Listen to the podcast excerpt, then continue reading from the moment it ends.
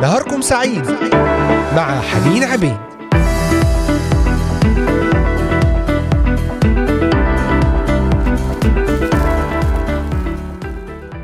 أهلا بكم أحبائي مستمعي إذاعة صوت الأمل في حلقة جديدة في يوم جديد. نهاركم سعيد. نهارا سعيدا مباركا على جميع احبائي المستمعين أينما كنتم من مختلف بلدان الشرق الأوسط بلدان أوروبا كندا أمريكا أستراليا أحبائنا في الأراضي المقدسة. أجمل وأطيب التحيات ونصلي أن يكون موضوعا فيه لمسة فيه بركة فيه كلمة. استناره من الرب لحياتكم.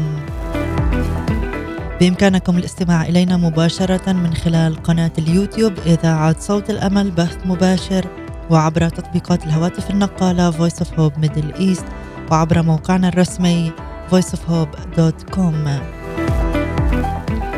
أيضا متابعتنا على صفحة الفيسبوك إذاعة صوت الأمل وعلى منصتي التليجرام والإنستغرام Voice of Hope. أيضا على مختلف منصات البودكاست. أنغامي Spotify Deezer Apple و Google Podcast Amazon Music و Castbox. مرة أخرى أجمل وأطيب ترحيب. نصلي حضور الرب على هذا الوقت. نصلي بركة ولمسة. كلمة من الرب لك. كلمة من الرب لقلبك لحياتك. إن كنت تعاني من الغيرة من الغضب من هذه المشاعر التي تسلبك الفرح. والسلام في علاقاتك في علاقتك مع الرب وعلاقتك مع نفسك وعلاقتك بالآخرين. ضمن سلسلة اصنع لنفسك معروفا واغفر. موضوعنا اليوم مختلف لكن لست أقل. نحن كلنا مختلفين عن بعضنا البعض لكننا لسنا أقل. كيف نقبل أنفسنا ونتخلص من المقارنة والغيرة؟ فكل المقارنات والمنافسات في مجتمعنا هي أمور سلبية أمور قد تكون مأساوية تصل إلى المأساوية إذا امتدت إذا تأصلت وهي الجذر المسبب لكل غضب وانقسام. لا يعني كوننا مختلفين عن الآخرين أننا أقل أو أكثر منهم. إن لكل شيء قيمته ولكل شخص قيمته بطريقته الخاصة. الله يريدنا أن نرى جمالنا المتفرد وقيمتنا المتفردة والا يشعر أحدنا بالدونيه لأنه مختلف عن الآخرين. علينا أن نتعلم أن نكون مرتاحين مع أنفسنا. علينا أن نتعلم أن نكون مرتاحين مع أنفسنا. هل تشعر بالراحة مع نفسك مع الطريقة التي كونك الرب بها مع الأمور التي ميزك الرب بها؟ فالغضب يعكس أحاسيسنا الدونية. يجب أن نتعامل مع الآخرين بصفاتهم مساوين لنا. علينا أن نشعر بأننا مساوين لهم ولسنا أفضل منهم وبالتأكيد لسنا أقل منهم. يسوع هو المعادل العظيم. فكلنا فيه متساوون. فقد قال في رسالة غلاطيا الأصحاح الثالث والآية الثامنة والعشرين قال بولس الرسول لا يوجد فرق بين ذكر وأنثى يهودي ويوناني أو عبد أو حر لأننا كلنا جميعا فيه. إذا يسوع يساوينا جميعا قيمتي الحقيقية فيه. عندما أجد هذه القيمة في يسوع أستطيع أن أعيش بأمان وسلام وراحة مع نفسي. ليست قيمتي فيما أقدر أنا أعمله ولكن في نفسي أنا وفي من أنتمي إليه. نحن ننتمي لله. شكلنا مواهبنا قدراتنا الأخرى تنبع منه. لا يقدر شخص قصير أن يجعل قامته أطول ببوسة واحدة أو يقلق نفسه بالغيرة من شخص أطول منه. ما يمكنه عمله هو أن يسعى أن يكون على أفضل حالاته في الحياة وألا يقارن نفسه بشخص آخر. كان زكا قصير القامة عندما سمع أن يسوع كان يمر على بلدته. كان يريد أن يراه حقا لكنه كان يعرف أنه لن يقدر أن يراه من كل هذا الجمع لأنه كان قصيرا. كان بإمكان زكا أن يكتئب بسبب حجمه. كان يمكنه اعتباره معوقا ويسقط في فخ الشفقة على الذات والسلبية لكن زكا لم يفعل ذلك. جرى أمام الجموع وتسلق جميزة حتى يرى بوضوح عندما مر يسوع على المكان رأى زكا فوق الشجرة وقال أن ينزل حيث أنه سيذهب معه لمنزله ويتعشى معه. هذه القصة في إنجيل لوقا الأصحاح التاسع عشر. إن هذه من أكثر القصص لأنها نرى فيها قصص رائعة لأننا نرى فيها زكا الإيجابي موقفه وفكره أرضى يسوع. أعجبه تفكير زكا حتى أنه قضى معه وقتا خاصا. كان زكا سيفقد هذا الحدث لو غضب من قصر قامته. إن كنت غاضبا بسبب شكلك الخارجي بسبب أمور لا تحصل عليها أو ليست موجودة عندك لكنها موجودة في الآخرين. تعلم الدرس من زكا استغل ما لديك بأقصى وسائل ممكنة. والله سيعوض الفرق دائما. وينميك في الحياة. آمين. آمين. أحلى ما في حياتي أنت حبيبي يا يسوع. عندما تتمحور حياتنا حول يسوع لا مقارنة ولا غيرة ولا أي أمور سلبية. نتمنى الحصول عليها موجودة عند الآخرين. يسوع يملأنا بكل ما فيه من حلاوة من فرح من سلام يشبعنا يملأ نقصنا.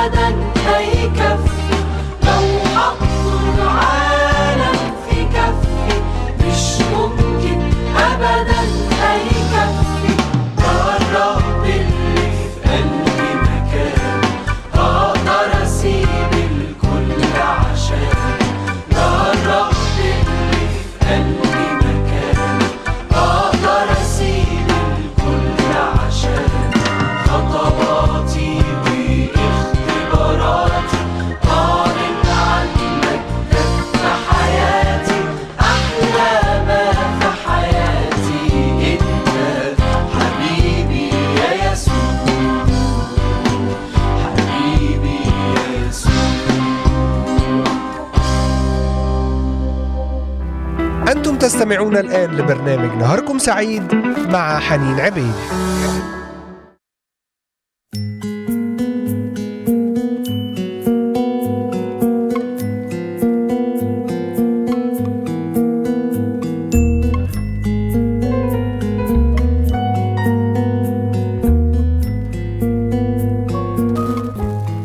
نعم أحبائي عدنا إليكم بعد هذه الترنيمة الرائعة والمباركة.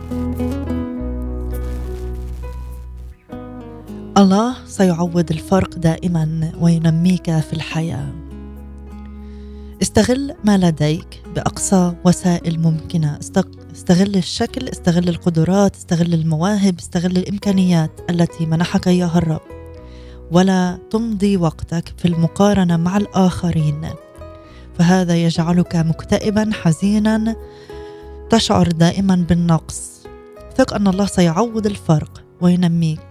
كن مدركا أن الله خلقك بيديه بعناية وحتى وأنت في رحم أمك شكلك واعتنى بك وهو لا يخطئ.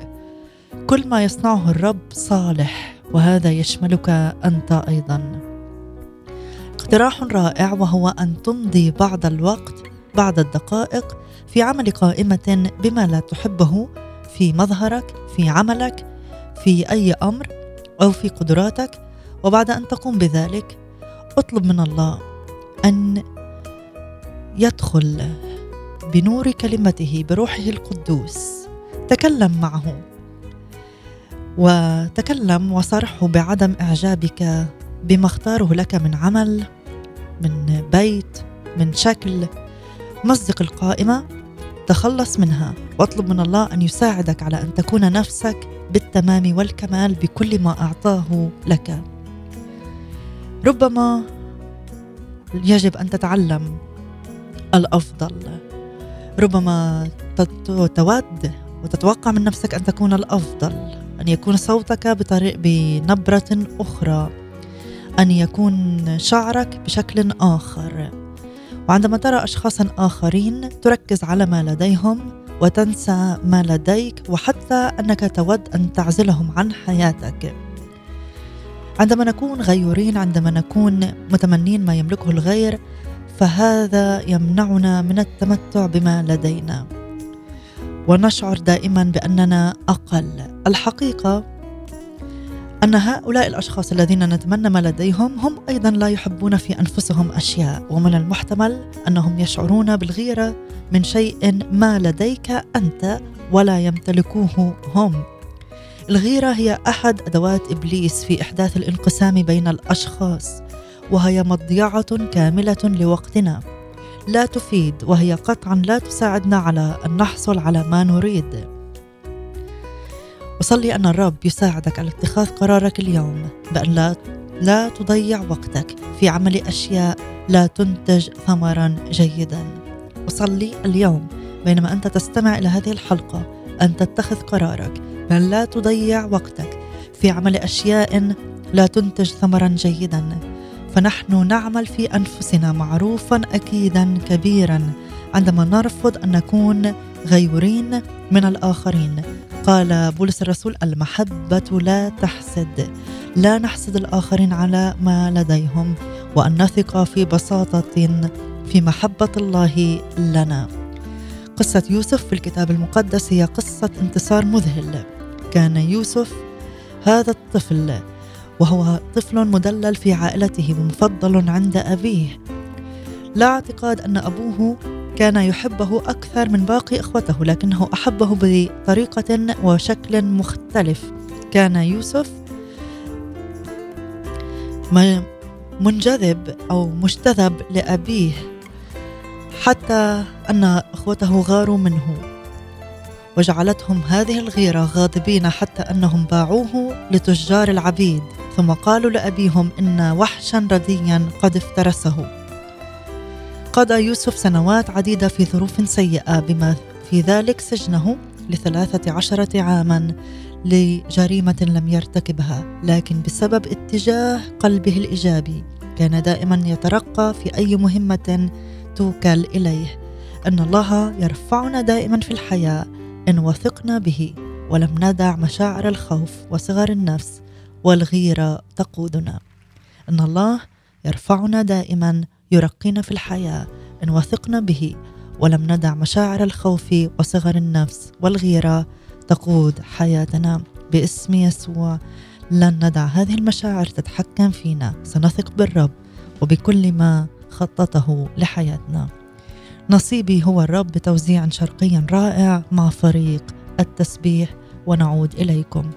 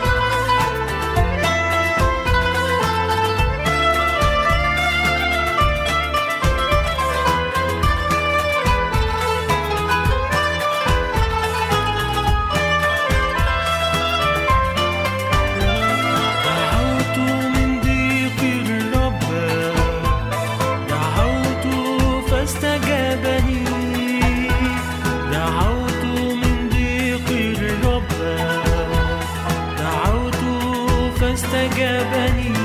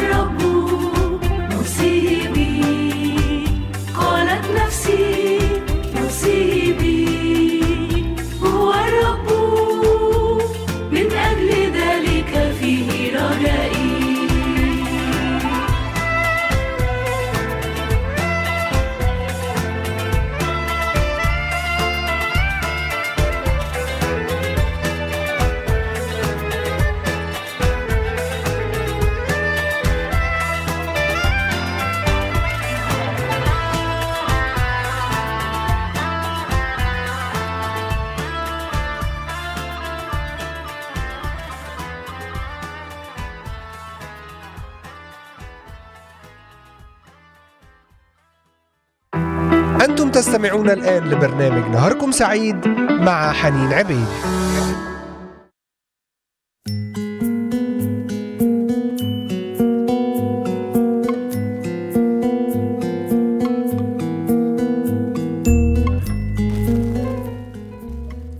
نعم أحبائي كنا نتحدث عن قصة يوسف يوسف الابن الذي كان مفضل عند أبيه والذي جعل باقي إخوته يغارون منه. وخططوا لقتله وفيما هم جالسون ذات يوم باعوه لقافلة لبيع العبيد وقالوا لأبيه أنه وحش رديء افترسه. ثم هناك عانى يوسف من ظروف سيئة بما في ذلك سجنه لثلاثة عشر عاما لجريمة لم يرتكبها. لكن بسبب اتجاه قلبه الإيجابي كان دائما يترقى في أي مهمة توكل إليه. وذكرنا أن الله يرفعنا دائما في الحياة. إن وثقنا به ولم ندع مشاعر الخوف وصغر النفس والغيرة تقودنا. كان بإمكان يوسف أن يرد على غضب إخوته بالغضب من ناحيته. كان بإمكان يوسف أن يرد الغضب بالغضب. كان يمكنه أن يدع هذا الغضب يشعره بالمرارة ويدمر حياته لكنه لم يسمح لقرار إخوته الخاطئ أن يسود عليه. فهل تسمح لقرارات خاطئة قام بها أحدهم أن تغضبك؟ إن كان هذا صحيحا فأنت تتصرف بطريقة غير صحيحة لأن لديك اختيارا آخر. يمكنك أن تعمل في نفسك معروفا وتتخطى ما فعله هذا الآخر. لا يمكننا دائما تغيير ما يفعله الآخرون لكن ليس لزاما علينا أن نسمح لقراراتهم أن تتحكم في تصرفاتنا. منح الله كل منا إرادة حرة. يمكننا في كل موقف أن نختار بين الحياة والموت. وتعني الإرادة الحرة أيضا أن علينا مسؤولية. لذا ففي الواقع عندما نكون حزينين فهذا هو مسؤوليتنا نحن لأننا بإمكاننا أن نختار الفرح وبإمكاننا أن نختار ألا نكون حزينين. عندما نقرأ قصة يوسف كلها في الكتاب المقدس نعرف أن عائلته أتت إليه في النهاية ليتوبوا عن معاملتهم السيئة له. وقد ساعدهم بسخاء في المجاعة. ولكن يوسف لم يرفض الغضب وعدم الشعور بالم... لم يكتفي برفض الغضب وعدم الشعور بالمرارة بل كان أيضا مسرعا في الغفران لإخوته الذين عملوا أشياء رهيبة معه. إن من يسامح هو دائما أكبر ممن يشعر بالغيرة والغضب. لذا أدعوك اليوم أن تصلي وأن تغفر وأن تسامح. قليلو صغار النفوس. هم فقط من يسمحون للغيرة والغضب أن يحددا مصيرهم. الغضب التمسك بالإساءة التمسك بالجروح عيش دور الضحية. كل هذه صفات الإنسان صغير النفس. تعال ليسوع اليوم ليبرئك من جروحك وألمك وتعبك. باسم يسوع المسيح. آمين. قل له يا رب أنت الذي يعرف أنت الذي يعرف كل ألمي ووجعي لذلك آتي إليك الآن. تعالوا نصلي مع هذه الترنيمة. أنت الذي يعرف مع فريق إيقاع حياة.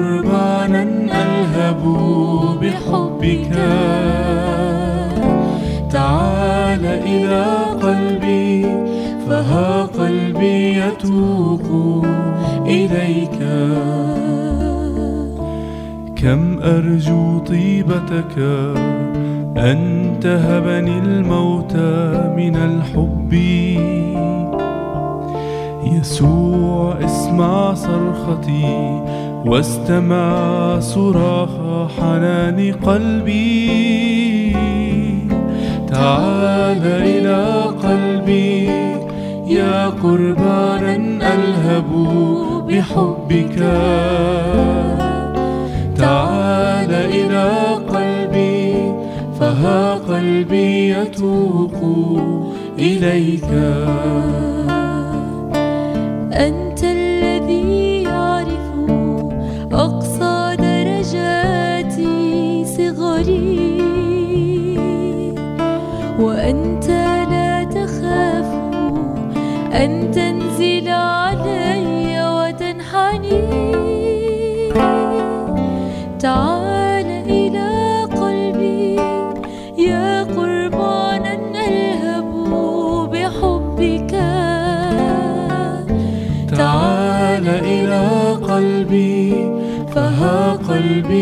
يتوق إليك. كم أرجو طيبتك؟ أن تهبني الموت من الحب. يسوع اسمع صرختي واستمع صراخ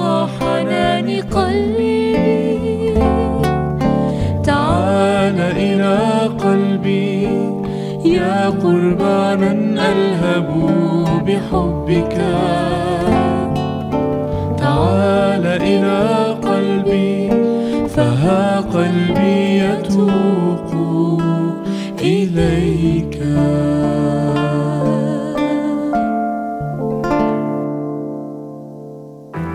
أنتم تستمعون الآن لبرنامج نهاركم سعيد مع حنين عبيد.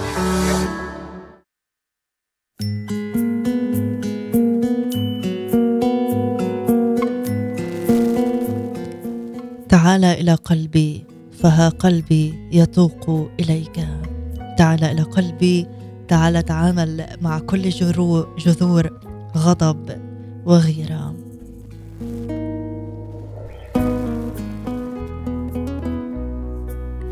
يسوع هو شافينا.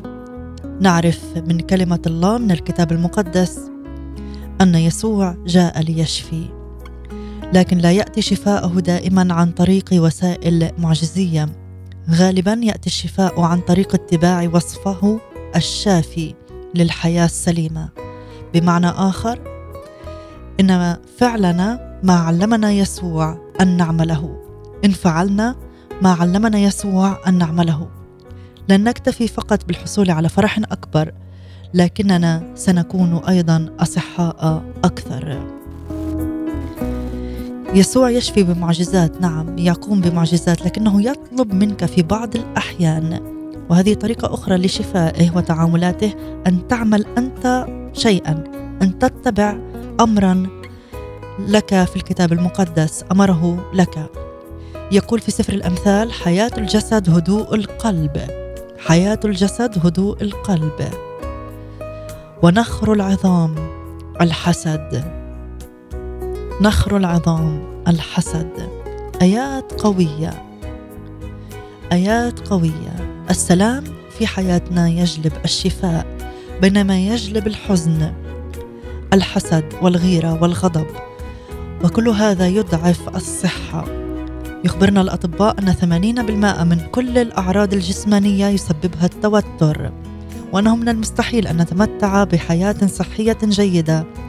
إلا عندما نقلل التوتر الزائد أو نتخلص منه.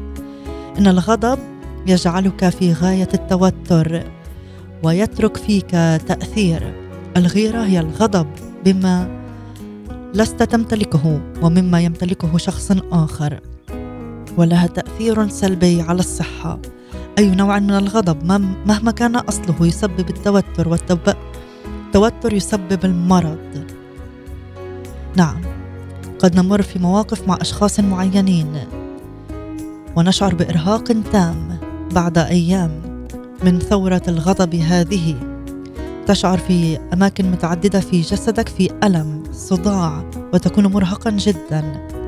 وليست إرادة الله أن نغضب كما أن أجسادنا لا تشعر بالراحة عندما نغضب. ابدأ اغفر ابدأ انظر لل الأشخاص الذين أساءوا إليك بموقف آخر مثل ما فعل يوسف مع إخوته فحصل على ترقية. وباركه الرب وكان بركة لإخوته. أحبك معنى كل وجود أحبك فوق صليب العار. عند الصليب وفوق الصليب تحمل يسوع كل الألم. هو يشعر بألمك هو يريد أن يريحك من ثقل الإحساس بالغضب. والمرارة والغيرة. كل هذا يؤذي صحتك وجسدك. لذلك تعال إلى يسوع الشافي اليوم. قل له يا رب أسكب علي محبتك. أغمرني بمحبتك. تعالوا نرنم هذه الترنيمة مع فريق الوعد.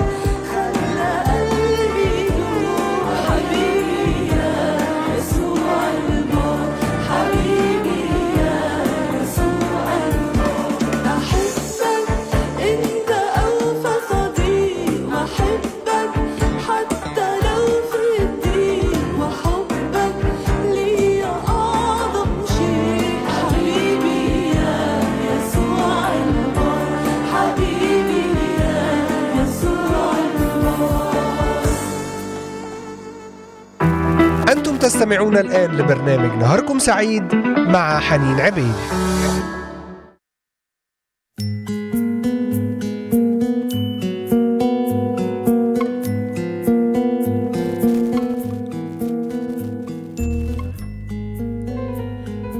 امرأة كانت تعاني من آلام رهيبة بسبب التهاب المفاصل لسنوات عديدة حتى غفرت لأحد أعضاء أسرتها كان قد ظلمها كثيرا. ما إن غفرت له حتى بدأ الألم يزول تدريجيا بمرور الأيام ولم يعاودها مرة أخرى. أحبائي أنا لا أفترض أن أحدكم يعاني من التهاب المفاصل فهذا يعني أنك لم تصفح عن أحدهم. كلا. وأنا لا أقول أنك إن كنت تعاني من الصداع فهذا بسبب الغيرة لأنك لم تصفح عن أحدهم. لكن أقترح أن تفحص قلبك وتتخلى عن أي من هذه المشاعر السلبية قبل أن تطلب الشفاء من الله. أؤمن بقوة أن المشاعر السلبية هي السبب الأصلي لكثير من الأمراض وأن الاعتراف بها يمكنه أن يساعدنا في الحصول على الشفاء والطاقة في حياتنا. قال يسوع أنا هو الطريق وعندما نتبع طرقه نحصل على أفضل حياة ممكنة. وعندما نكسر وصاياه ونعصي مباد- مبادئ- مبادئه علينا أن نتوقع المتاعب في كل نواحي حياتنا. قد جعلت أمامك الحياة والموت فاختر الحياة لتحيا. آمين آمين. احتفظ بمذكرة دون فيها في كل صباح. وانظر بعد سنوات لما كتبته. تجد مرات عديدة كتبت فيها فقط أشعر بالرضا. أحبائي نضيع أوقات وسنوات كثيرة من حياتنا بعدم الرضا. كان هناك دائما شيئا ما عليك أن تحصل عليه لتشعر بالاكتفاء. قال الرسول بولس إنه تعلم أن يكون مكتفيا راضيا بما وصل إليه وغير منزعج مهما كانت الظروف التي كان فيها. في رسالة فيليبي الأصحاح الرابع القناعة هي أمر نتعلمه لأن كل إنسان يولد بشعور عدم القناعة ويريد المزيد. هذا أمر في جسدنا ولن يهدأ حتى نتوقف عن تغذيته. هل أنت راض؟ إن لم تكن كذلك اسعى وراء القناعة لأنها مكان جميل يحلو السكن فيه. ليس معنى القناعة الا نرغب في الأشياء لكنها تعني أننا راضون بما عندنا حتى يرى الله الوقت المناسب ليعطينا شيئا آخر. حتى يرى الله الوقت المناسب ليعطيك شيئا آخر.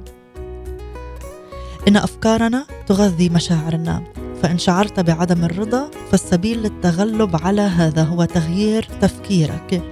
فكر فيما هو لديك بدلا من التفكير فيما ليس عندك وسوف يقوم بما فيه خيرك في الوقت الكامل. الله سوف يسمع صلاتك وسوف يقوم بما فيه خيرك في توقيته الكامل. تأمل في حكمة الله وفي صلاحه وداوم على تذكير نفسك بهذا. في كل مرة ترى فيها شخصا باركه الرب خصوصا إن كان يملك ما تريده أنت وليس عندك أشكر الرب على بركاته. وباركه بارك هذا الشخص. قم في ذلك في طاعة الله وستجد الفرح ينطلق من قلبك. آمين آمين. ابانا السماوي الصالح نشكرك لأجل بركاتك على حياتنا. أعطنا أن نشكرك ونباركك على كل ما لدينا وأن نكون قانعين وراضين وشاكرين. ولا نحسد فالمحبة لا تحسد. أي شعور بالغيرة بالمرارة نصلي أن تتعامل معه بروحك القدوس وتملأنا بمشاعر الرضا والفرح وأن نبارك الآخرين الذين حصلوا على أي أمر نريده فلك توقيتك ولك تعاملاتك في حياتنا. آمين. لك المجد والبركة. أحبائي إلى هنا وصلنا إلى نهاية حلقتنا. وأصلي أن يكون تكلم الرب معكم في هذا الأمر ونترككم مع ترنيمة لك يا يسوع مع جهود الحارس. إلى لقاء آخر. بنعمة الرب في حلقة جديدة. إلى اللقاء.